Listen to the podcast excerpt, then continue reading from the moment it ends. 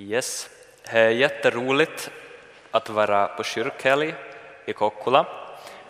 Det är jätteroligt att höra evangelikum tycker jag. Och det är jätteroligt att vara kristen år 2014. För vi lever i ganska spännande tider med mycket förändringar och när vi lever i tider med mycket förändringar så ser vi också allt tydligare att Jesus Kristus är densamme igår och idag och i evighet.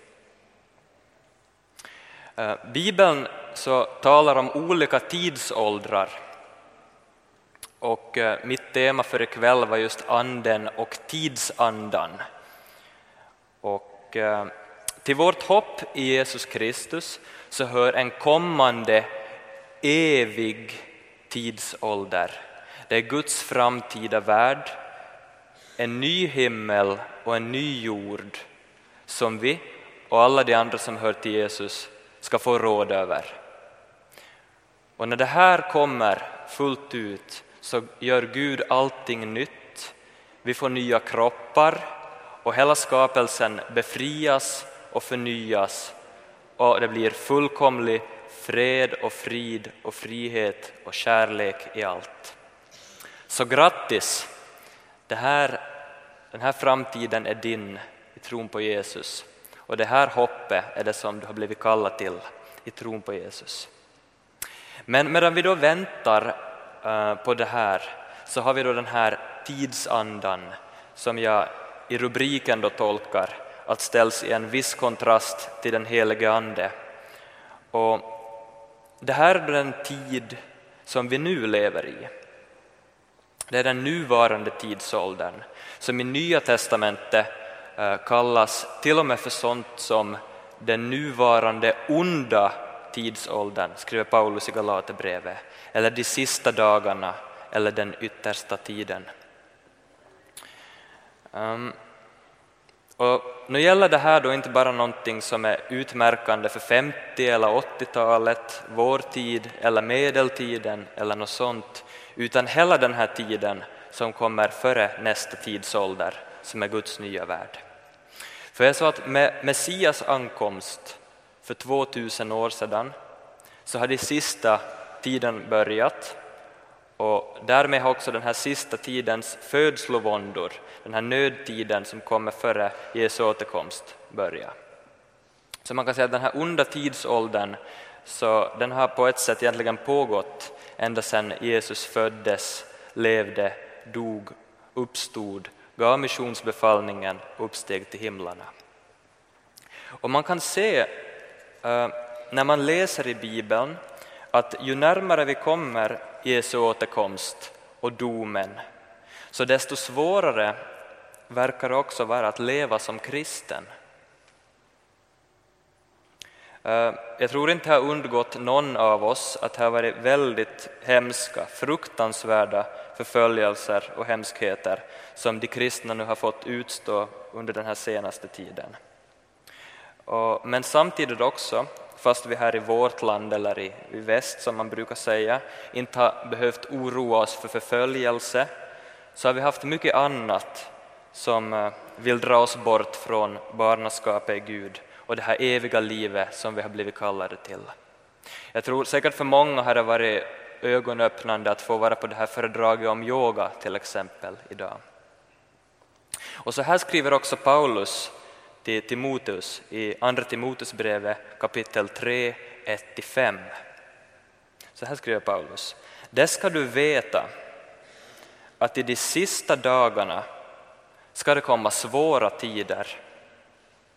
Människorna kommer att älska sig själva och vara penningkära, skrytsamma, stolta, hånfulla olydiga mot sina föräldrar, otacksamma, gudlösa, kärlekslösa, oförsonliga, skvalleraktiga, obehärskade, råa, fientliga mot det goda, falska, egensinniga och högmodiga. De ska älska njutning istället för Gud och ha ett sken av Guds fruktan men förneka dess kraft. Håll dig borta från dem. Tycker ni det här känns bekant? Penningskära, skrytsamma, stolta, hånfulla, olydiga mot sina föräldrar, otacksamma, gudlösa och kärlekslösa. Det är som en lång lista som är, ganska så här otrevlig och, och ful på något sätt, råa, fientliga mot det goda. De ska älska njutning istället för Gud. Eh, mina svärföräldrar så har Netflix, så jag och min fru har kollat på några filmer i sommar och egentligen tyvärr så är det här ganska mycket av liksom vad vi hittar då vi kollar på Netflix. Nu finns det mycket bra film och inte jag säger, jag är en stor vän av film, men tyvärr så är det allt för mycket av det här slags livet som porträtteras i de här filmerna som vi ser på. Men vad, vad betyder då det här för oss? Jo, precis som alltid så är vi i ett desperat behov av Gud. Vi behöver Gud för att inte vi ska dras bort från honom och vi behöver söka hans närvaro och hålla oss till hans ord och löften allt mer eftersom det bara blir mer och mer oljud omkring oss. Allt mer som vill locka oss bort från honom. Eftersom det är svåra tider så behöver vi också kämpa trons goda kamp allt tapprare. Och det är så här att det är ganska svårt ibland att leva ett liv i Jesu efterföljd som innebär då att simma motströms, att gå mot strömmen. Och speciellt om man är ung idag. Men det är att du följer Jesus och det är att du tar den smalare vägen. Det kommer du inte att ångra i slutändan. Och jag tror att vi gör klokt att ständigt påminna oss om de stora och mycket dyrbara löften som Gud har gett oss. Jag har börjat göra det till en morgonrutin för mig att läsa vissa bibelord och påminna mig själv om vad är för slags hopp som jag egentligen är kallad till, så jag också lever och är inställd på det här.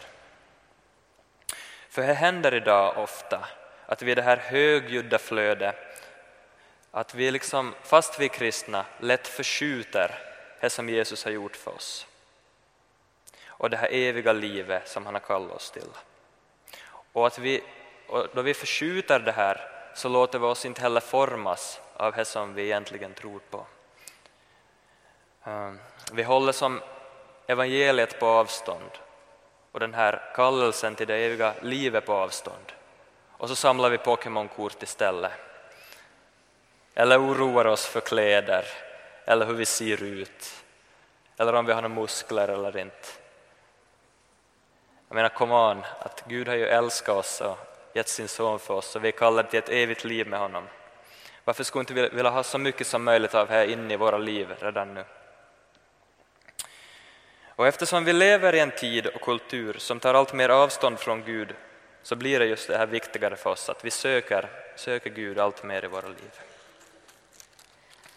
Eh, I den här passagen som jag just läst så inleder Paulus med att säga att människorna kommer att älska sig själva. Och det är just den här riktningen, den här felriktade kärleken till sig själva som sen leder till all den här fula synden som han sen räknar upp. Nu ska ni inte missförstå mig, vi ska nog tycka om oss själva och vara tacksamma för att vi har blivit skapade av Gud och vara tacksamma för alla de gåvor och talanger som han har gett oss. Det är klart. Men det blir fel och fult när man bara sätter sig själv i första rummet och man gör tvärtom mot det som Jesus säger att det är det största budet, nämligen att du ska älska Herren, din Gud, av hela ditt hjärta, av hela din själ och av hela ditt förstånd. Och sedan kommer det som är efter det, nämligen det att du ska älska din nästa som dig själv. Så den här själviska ambitionen och egoismen är någonting som vi behöver se upp för, för det är väldigt vanligt i vår individualistiska kultur. Det är egentligen med andra ord att leva efter köttet. Att bara leva utifrån sina egna resurser, i sin egen kraft. Och när man lever så i köttet, då är det fruktansvärt jobbigt. Det är jättetungt. Köttet så betyder flera saker i Bibeln, men Paulus använder det här ordet ofta för att beskriva vår gamla syndiga natur som står till motsats till livet i Kristus. I Galaterbrevet 5, verserna 16-26, så finns en passage av Paulus som vi ska titta på. Och här kan man se vad köttets gärningar är, som då hör till den här tiden, vad det innebär, men också vad Andens frukt är, som är en försmak av den kommande tidsåldern, Guds framtida värld. Så här skriver Paulus. Vad jag vill säga är detta, vandra i anden så kommer ni inte att göra vad köttet begär. Till köttet söker det som är mot anden och anden söker det som är mot köttet. De två strider mot varandra för att hindra er att göra det ni vill. Men om ni leds av anden står ni inte under lagen. Köttets gärningar är uppenbara. De är tråkiga, jag skriver inte Paulus, men de är uppenbara, de är tråkiga. Man ser det hela tiden på TV. Det är sånt som otukt, missbruk av sexualiteten, orenhet, lösaktighet, avgudadyrkan, svartkonst, fiendskap, skiv, avund, vredesutbrott, gräl, splittringar, villoläror, illvilja, fylleri, utsvävningar och annat sånt. Jag säger i förväg vad jag redan har sagt. De som lever så ska inte ärva Guds rike. Till den här att leva i köttet, att bara ha sig själv som centrum, då, då lever man enligt den här gamla världens principer som är stolthet och hämnd. Man bygger bara sitt eget rike och vill säga ”ske min vilja”. Tvärt emot vad Jesus lär, att vi ska be Fader vår, ske din vilja. Så köttets gärningar och den här själviska ambitionen handlar i stort sett om girighet och otacksamhet och lust och våld och fiendskap mot Gud. Man är alltså inte nöjd med Gud som Gud, utan man vill ha det på sina egna villkor. Man vill bara ha mer och mer av det som man tror att själv är bäst för en. Och det här förstör människan. Det här är synden och det här förstör, för synden förstör. Det är inte så att det är det kroppsliga som är någonting dåligt. För Gud har ju skapat oss med kött och ben och Gud vill faktiskt upprätta sin skapelse och rädda den på riktigt. I kontrast till de här antika villärorna och gnosticisten som föraktar det materiella och kroppsliga så är det väldigt viktigt att vi börjar betona den kristna lärans betoning på Guds upprättelse av det fysiska. För Gud är skapelsens Gud och Gud älskar sin skapelse. Och Guds bekännelse till det skapade och fysiska så kommer få sin fulländning här att Gud en dag uppväcker döda kroppar till evigt liv. Och det här har redan börjat i och med Jesu uppståndelse. Men man kanske skulle säga så här att köttet det är den del av oss som hör till den fallna världen som är uppror mot Gud. Medan då vårt liv i anden är framtida liv som vi redan i den här tiden får leva av. Det här är ett ganska intressant perspektiv och jag tror vi behöver förstå det för att förstå Nya testamentet när vi, när vi läser det. För att göra det lite tydligt så kan man säga så här att, att ibland så kanske vi skulle bara vilja bort från elände, bort från alltihop. Men det är tvärtom då med Gud, för han, han vill in i elände och rädda oss på riktigt och allt som har farit illa. Och därför är också den kristna kallelsen sån att gå kärlekens väg ut i en värld som är älskad och engagera sig i världens smärta och visa på Jesus. För världen, skapelsen, är älskad av Gud och Gud kommer att rädda den och ställa den i ordning igen. Ehm, det här är också vad missionsbefallningen handlar om egentligen. Det är den goda framtiden som invaderar. Och här innan då jag satt med Erik och tyckte att det var som, det som så skön atmosfär här i Kokkola så, så funderar vi lite om att kanske är just det som det handlar om, att då vi kristna kommer sammans och lovsjunger Gud, så är det lite som en försmak av, av vår goda framtid. Ehm, och Jesus, han är med oss alla dagar. Han har lovat det och det är därför som missionen också fortfarande pågår. Jesus som är trons upphovsman och fullkomnare, så han går före och visar vägen till Guds framtida värld. Som vår förebild och han visar vad Gud vill göra för oss. För Gud vill hjälpa oss och vara med oss på samma sätt som med Jesus. Och Jesus, han vill dela sitt liv med dig och mig.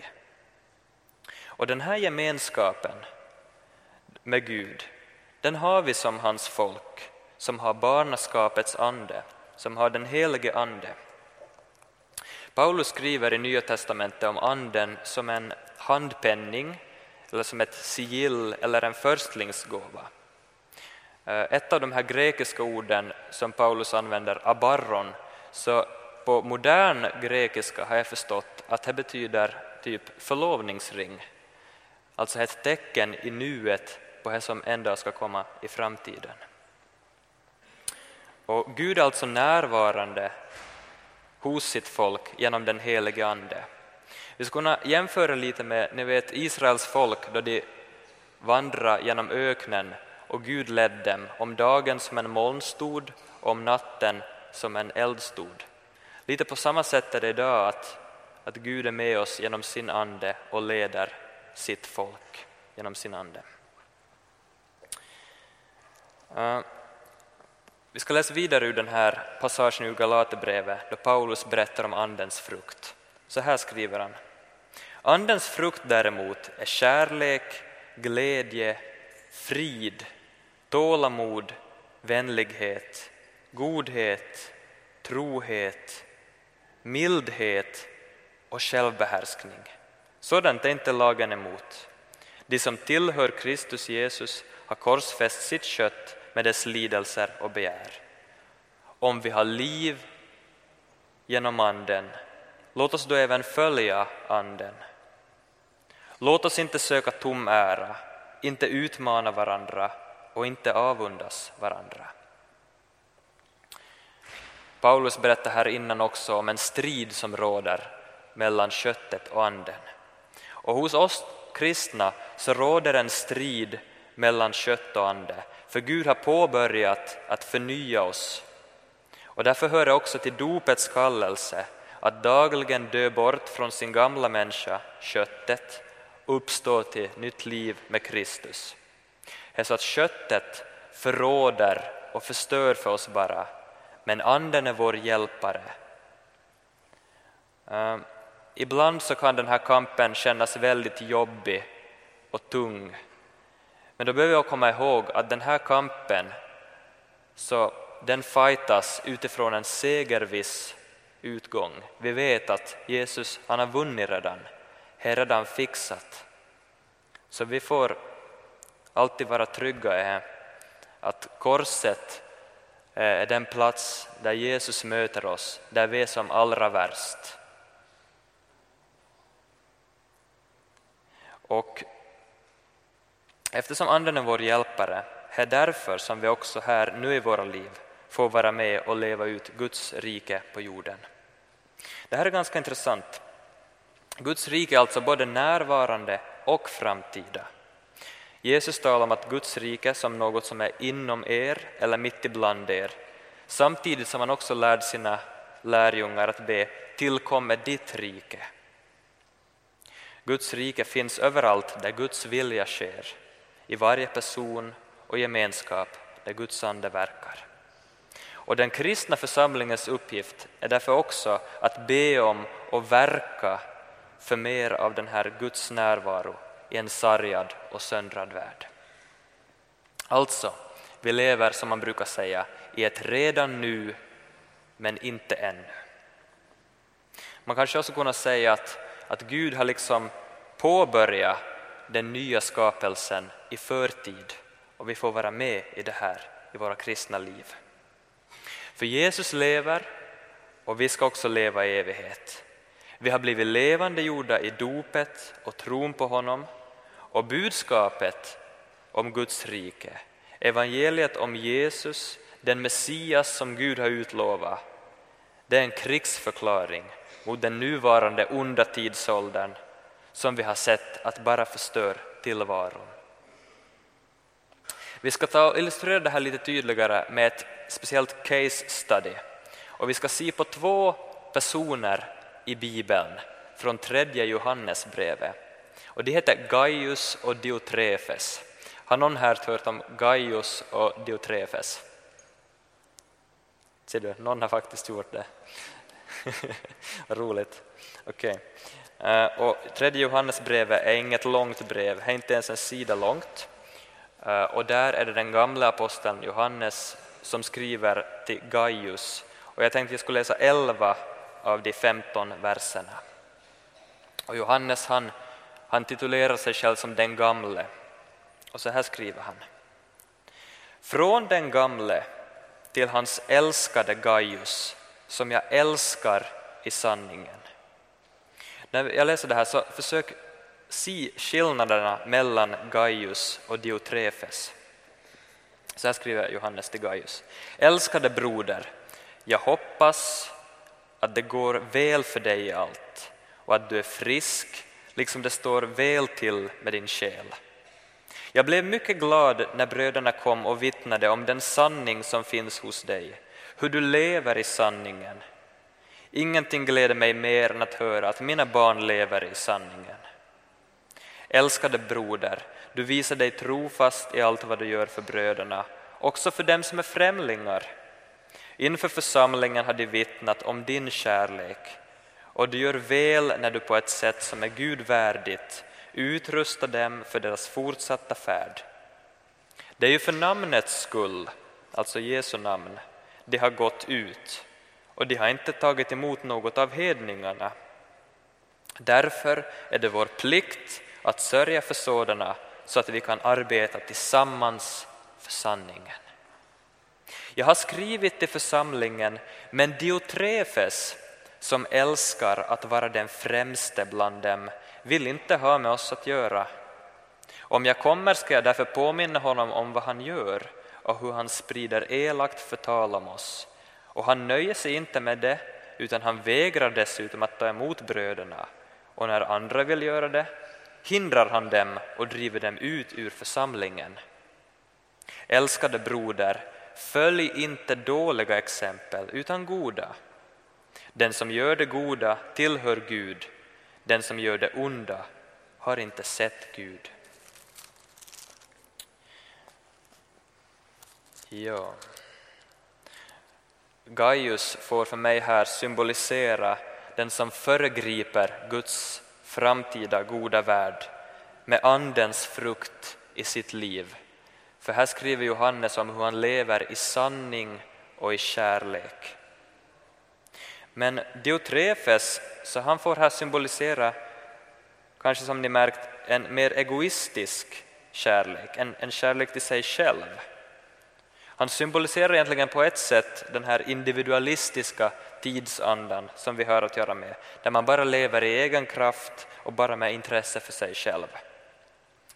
Eh, Diotrefes Diotrefes, han, han var alltså en kristen i den här tidigaste kyrkan, men han uppskattade inte apostlarnas undervisning. Han spred istället elaka lögner om deras uppdrag och han vägrade att välkomna nya kristna när de kom till kyrkan. Och om andra kristna försökte välkomna de här främlingarna så då var det Diotrefes som försökte få ut dem också ur kyrkan. Och Johannes sammanfattar Diotrefes synd här genom att säga att han älskar att vara den främste. Här igen så finns den här själviska ambitionen att sätta sig själv i första rummet. För det verkar som att Diotrefes han var säkert helt besatt av kontroll och makt och att söka uppmärksamhet till sig själv. Jag, jag, jag. Och det här är ett bra exempel tycker jag på hur vår tids internet och kändiskultur fungerar. Vi har alla de här e-, e-, egobilderna och, och liksom det här jag, jag, jag. Man vill ha den här uppmärksamheten till sig själv. Men som kristna så är det inte vårt uppdrag att göra våra egna namn stora utan Jesu namn stort. För det är ju för namnets skull de gått ut, skrev Johannes. Hur ska vi då stå emot den här själviska ambitionen, mot köttets påhitt? Som jag redan sa så behöver vi som alltid Guds hjälp. Och några vapen från Guds vapenförråd mot det här så tror jag att det är ödmjukhet, tacksamhet och tjänande. Det är så att Anden vill leda oss in i ett nytt och bättre liv. Och när vi liksom vandrar med Jesus så all bestående förändring i våra liv, det är Andens verk. Vi kan inte göra det här själva. Men vi är kallade att vandra med Jesus och den här vandringen kommer också att förvandla oss. Och den här vandringen så kallas ofta för lärjungaskap och i ett lärjungaskap så tar man efter av sin lärare och lär sig. Och det som vi behöver lära oss av Jesus är ödmjukhet. Ödmjukhet är en motsats till högmod. Ödmjukhet handlar inte om att, att oh, jag är så dålig, jag kan ingenting, jag är inte värdig. Utan ödmjukhet handlar om att man gör inte mer av sig själv och man gör inte heller mindre av sig själv, utan man är precis den man är, älskad av Gud. Och det kan vara bra för oss att ödmjuka oss genom att vi ser vad, vad är som vi är kallade till och vad Gud egentligen har gjort för oss. Och jag skulle vilja läsa från Titus kapitel 3, 3-7, där Paulus skriver hur vi en gång levde i den fallna världen och vi nu liksom har blivit kallade till det eviga livet. Så här skriver han. Vi var själva en gång oförnuftiga, olydiga och vilsegångna. Vi var slavar under många slags begär och lustar. Vi levde i ondska och avund. Vi var avskyvärda och vi hatade varandra. Men när Guds, vår frälsares godhet och kärlek till människorna uppenbarades frälste han oss, inte för rättfärdiga gärningar som vi hade gjort, utan på grund av sin barmhärtighet genom ett bad till nyfödelse och förnyelse i den helige Ande som han rikligt utgjöt över, utgöt över oss genom Jesus Kristus, vår frälsare. Detta skedde för att vi skulle stå rättfärdiga genom hans nåd och som vårt hopp är bli arvingar till det eviga livet. Tacksamhet en bra motsats till otacksamhet, girighet, lust och så vidare. Och jag tror vi behöver öva oss i tacksamhet. Eh, ni ska kunna göra ett experiment. Efter att jag har talat klart här nu så skulle ni kunna prata med en person och liksom klaga, säga att nu talar han nu länge och nu, inte var han så rolig och, och liksom att nu är jag nog trött och det ska nog bli skönt att få hem och sova och, och att, ja, inte orkar jag fara till kyrkan imorgon, jag är nog hem istället. Och, och skolan är så jobbig och inte var det bra då vi bara fick köttsoppa här att äta idag. Sen skulle ni ta en annan dag och så skulle ni istället vara tacksamma. Och då ni träffar människor så skulle ni kunna säga är så roligt att se dig. Jag är tacksam för att du är min vän. Kanske du skulle tacka liksom för att du har vänner, familj, kanske för att din hälsa är helt bra, för att kyrkan finns och för att vi får mat att äta i en värld som är full av hungriga människor. Och då efter de här två dagarna, då du en dag har bara klagat på allting och en dag har varit tacksam för allting, så skulle du kunna känna efter med dig själv och se vilken attityd som producerar mer positiva känslor i dig. Vilken dag känner du dig närmare Gud och mer levande? För att välja att tacka för och identifiera det goda, det gör oss också till vackrare, mer tacksamma och mer Kristuslika människor. Paulus påminner de kristna hela tiden om att vara tacksamma för det som Gud har gjort i deras liv och det som han har kallat dem till. Och I vår tid så vi är ganska otacksamma fast vi har det så bra. Eh, jag har nyligen börjat prenumerera på nyhetsbrev från både Martyrkyrkans vänner och från det här Open Doors i Sverige. Och det är ganska nyktrande att se liksom hur bra ställt vi egentligen har det, då det finns så mycket smärta i världen. Till sist så finns också det här tjänande som jag tror är ett effektivt vapen mot själviskhet. Så här skriver Paulus i Filipperbrevet 2, 3-4. Var inte självupptagna och stolta. Var istället ödmjuka och sätt andra högre än er själva. Se inte på ert eget bästa, utan tänk på andras. Har du tänkt på hur praktiskt det här är egentligen? Paulus säger inte bara var ödmjuka, punkt, utan att vi ska tänka på andra, att vi ska lära oss det här och söka det som är det bästa för andra, att sätta andra högre än er själva. Eh, om jag är okej okay, så skulle jag vilja läsa det här i sitt sammanhang. Det är en jättefin passage ur Filipperbrevet där Paulus talar om genom ödmjukhet till upphöjelse. Så här skriver han. Om ni nu har tröst hos Kristus, och här har vi, vi har tröst hos Kristus. Om vi har uppmuntran av hans kärlek och gemenskap i anden och medkänsla och barmhärtighet, om det betyder något, gör då min glädje fullkomlig genom att ha samma sinnelag och samma kärlek, genom att vara ett i själ och sinne. Var inte självupptagna och stolta, ge inte efter för köttet, liksom, gör inte den här själviska vägen, gå inte den här liksom egotrippen, utan var istället ödmjuka och sätt andra högre än er själva. Se inte på ert eget bästa, utan tänk på andras. Var så till sinnes som Kristus Jesus var. Fastän han var till i Guds gestalt räknade han inte tillvaron som Gud såsom segerutbyte, utan utgav sig själv genom att anta en tjänares gestalt, då han blev människa. Han som till det yttre var som en människa ödmjukade sig och blev lydig ända till döden, döden på korset.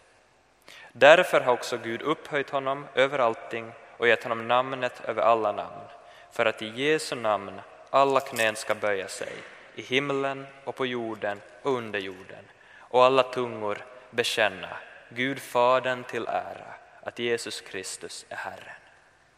En dag kommer det här bli verklighet. Alla knän kommer att böjas och alla tungor bekänna att Jesus Kristus är Herre.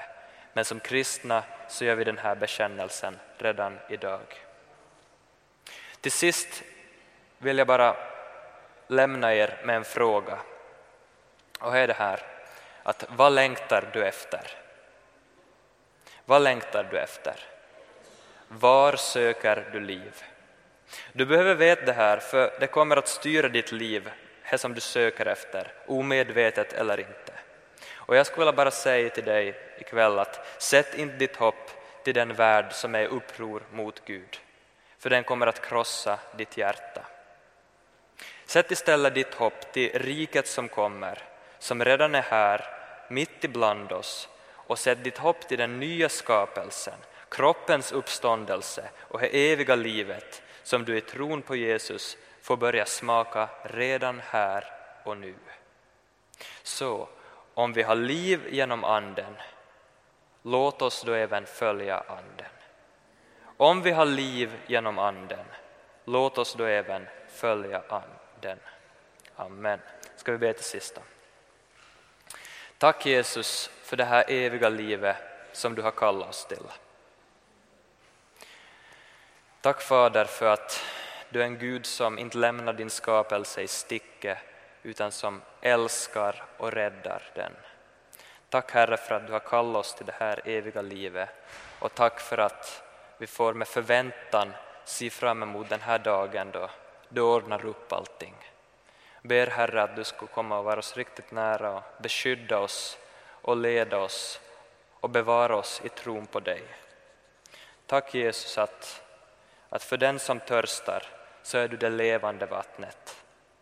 Tack Herre för att för den som svälter så är du brödet från himlen.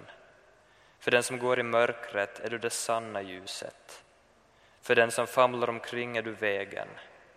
För den som är trött på lögn är du sanningen. För den som är sugen på upplevelser är du livet.